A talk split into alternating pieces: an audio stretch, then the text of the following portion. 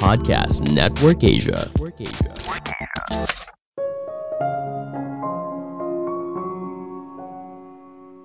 Komunikasi dan bicara itu dua hal yang berbeda loh. Bisa saja kita berbicara dengan orang lain, tapi kita tidak berkomunikasi dengan baik. Hingga akhirnya terjadi kesalahpahaman dan pertengkaran. Halo semuanya, nama saya Michael. Selamat datang di podcast saya, Sikutu Buku. Kali ini saya akan bahas buku Words Can Change Your Brain, karya Andrew Newberg dan Mark Robert Waldman. Sebelum kita mulai, buat kalian yang mau support podcast ini agar terus berkarya, caranya gampang banget. Kalian cukup klik follow. Dukungan kalian membantu banget supaya kita bisa rutin posting dan bersama-sama belajar di podcast ini. Buku ini membahas kalau kata-kata itu memiliki kekuatan yang luar biasa. Anehnya, terkadang kita merasa kalau semakin banyak kita bicara, kita justru semakin tidak didengar. Mungkin hal ini terjadi karena masing-masing dari kita sibuk berbicara, tapi tidak siap untuk mendengarkan. Alhasil, kita jadi saling tidak memahami satu sama lain. Padahal, jika kita berbicara soal komunikasi yang baik, hal ini sangat membantu kita dalam menjalani kehidupan sehari-hari. Entah saat bernegosiasi dengan atasan, berdebat dengan pasangan, atau menghadapi anak kecil yang rewel kita bisa belajar untuk menciptakan kondisi yang win-win dan mencegah pembicaraan yang sulit menjadi situasi yang tegang dan meledak-ledak. Saya merangkumnya menjadi tiga hal penting dari buku ini. Pertama, komunikasi itu perlu dipelajari. Apakah kamu melihat komunikasi sebagai sebuah seni? Banyak orang mungkin tidak. Kita merasa kalau komunikasi itu tidak perlu dipelajari. Toh kita sudah berkomunikasi setiap saat. Namun perlu dipahami, berkomunikasi dan berbicara itu dua hal yang berbeda. Contohnya gini, coba bayangkan kamu sedang berkomunikasi dengan balita. Di umur 2 atau 3 tahun, banyak balita sudah mulai berbicara secara terbatas. Tidak jarang kita kesulitan memahami apa yang dikatakan, sehingga sulit rasanya terjadi sebuah komunikasi. Hingga akhirnya anak itu tantrum dan mengulang sebuah kata terus-menerus.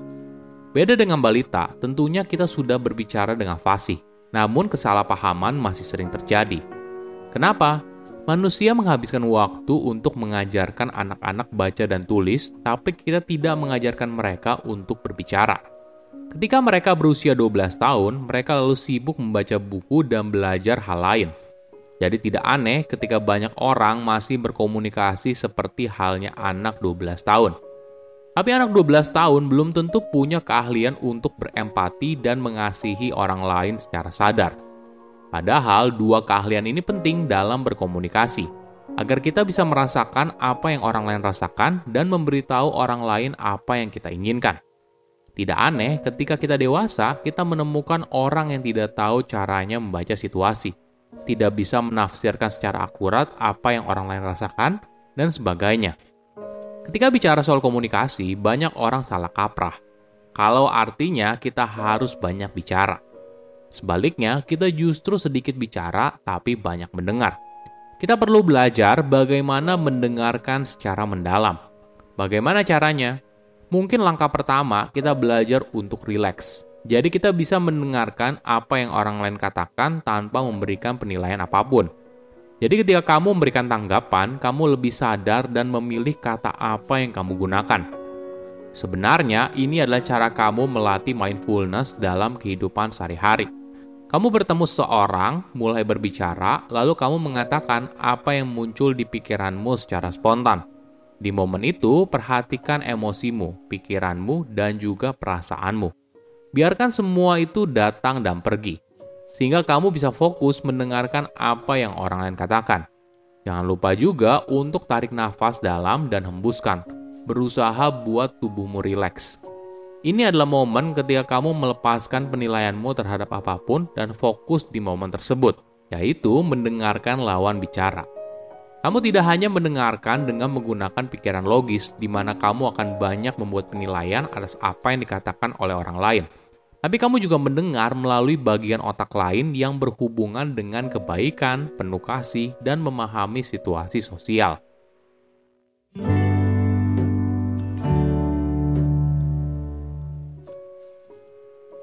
Kedua, bahasa nonverbal bercerita segalanya.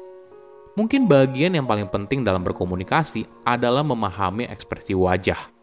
Kita harus belajar untuk membaca ekspresi wajah orang lain untuk memahami apa yang sebenarnya dia rasakan. Misalnya begini, ketika kamu meminta seorang untuk melakukan sesuatu buat kamu, lalu lawan bicara bilang iya, tapi wajahnya kayak sedang bete. Dari situ, kamu sudah bisa mengambil kesimpulan kalau sebenarnya lawan bicara itu tidak sungguh-sungguh ingin membantu kamu. Menariknya, kita mudah menangkap apabila orang lain berusaha memalsukan ekspresi wajahnya. Kita bisa menemukan hal yang aneh. Misalnya, ketika seseorang terpaksa tersenyum, tentunya kita bisa merasakan bedanya antara senyuman yang tulus atau tidak, kan? Namun, kita bisa belajar untuk menampilkan senyum yang tulus. Caranya yaitu dengan mengulang kembali memori bahagia di otak, terutama yang berkaitan dengan orang yang dicintai. Latihan ini penting karena sebuah senyuman menyampaikan rasa percaya, kebaikan, dan ketulusan. Komunikasi yang baik merupakan sebuah hal yang penting yang harus kamu kuasai dalam dunia kerja. Bayangkan ketika kamu harus memberikan masukan atau menegur orang lain. Tentunya hal ini punya caranya tersendiri, kamu ingin menciptakan suasana yang konstruktif dan transparan. Jangan sampai situasi tersebut malah jadi tidak terkendali dan kalian jadi saling berteriak. Kita harus memahami cara otak bekerja. Ketika kita melihat wajah seseorang, otak kita secara otomatis akan mengidentifikasi apakah wajah itu terlihat bersahabat atau perlu diwaspadai. Ini merupakan respon standar otak yang berusaha melindungi kita dari ancaman. Jadi, sedikit saja ada ekspresi wajah yang tidak bersahabat, wajar saja kita langsung masuk dalam mode defensif.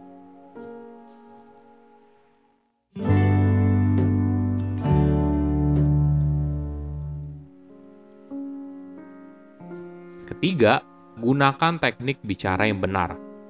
Otak kita merupakan organ yang luar biasa. Kata-kata bisa punya pengaruh yang besar dan pengaruhi pengalaman yang kita alami. Menariknya, cara kita membawakan sebuah kata atau kalimat ternyata punya pengaruh atas apa yang ingin kita sampaikan.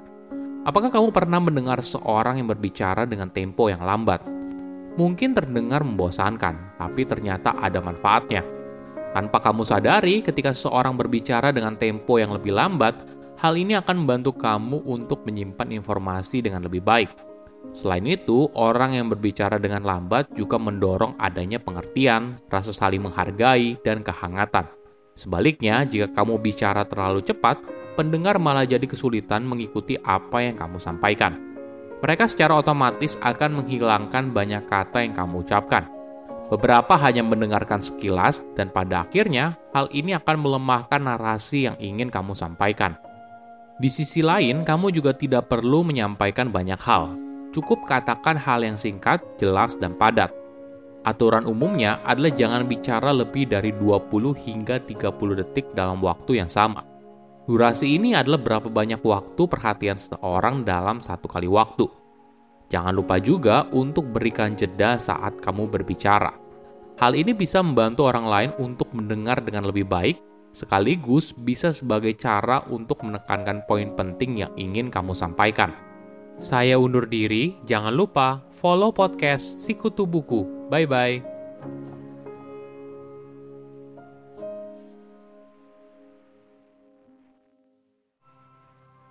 Pandangan dan opini yang disampaikan oleh kreator podcast, host, dan tamu tidak mencerminkan kebijakan resmi dan bagian dari podcast Network Asia. Setiap konten yang disampaikan mereka di dalam podcast adalah opini mereka sendiri dan tidak bermaksud untuk merugikan agama, grup etnik, perkumpulan, organisasi, perusahaan, perorangan, atau siapa pun dan apa pun.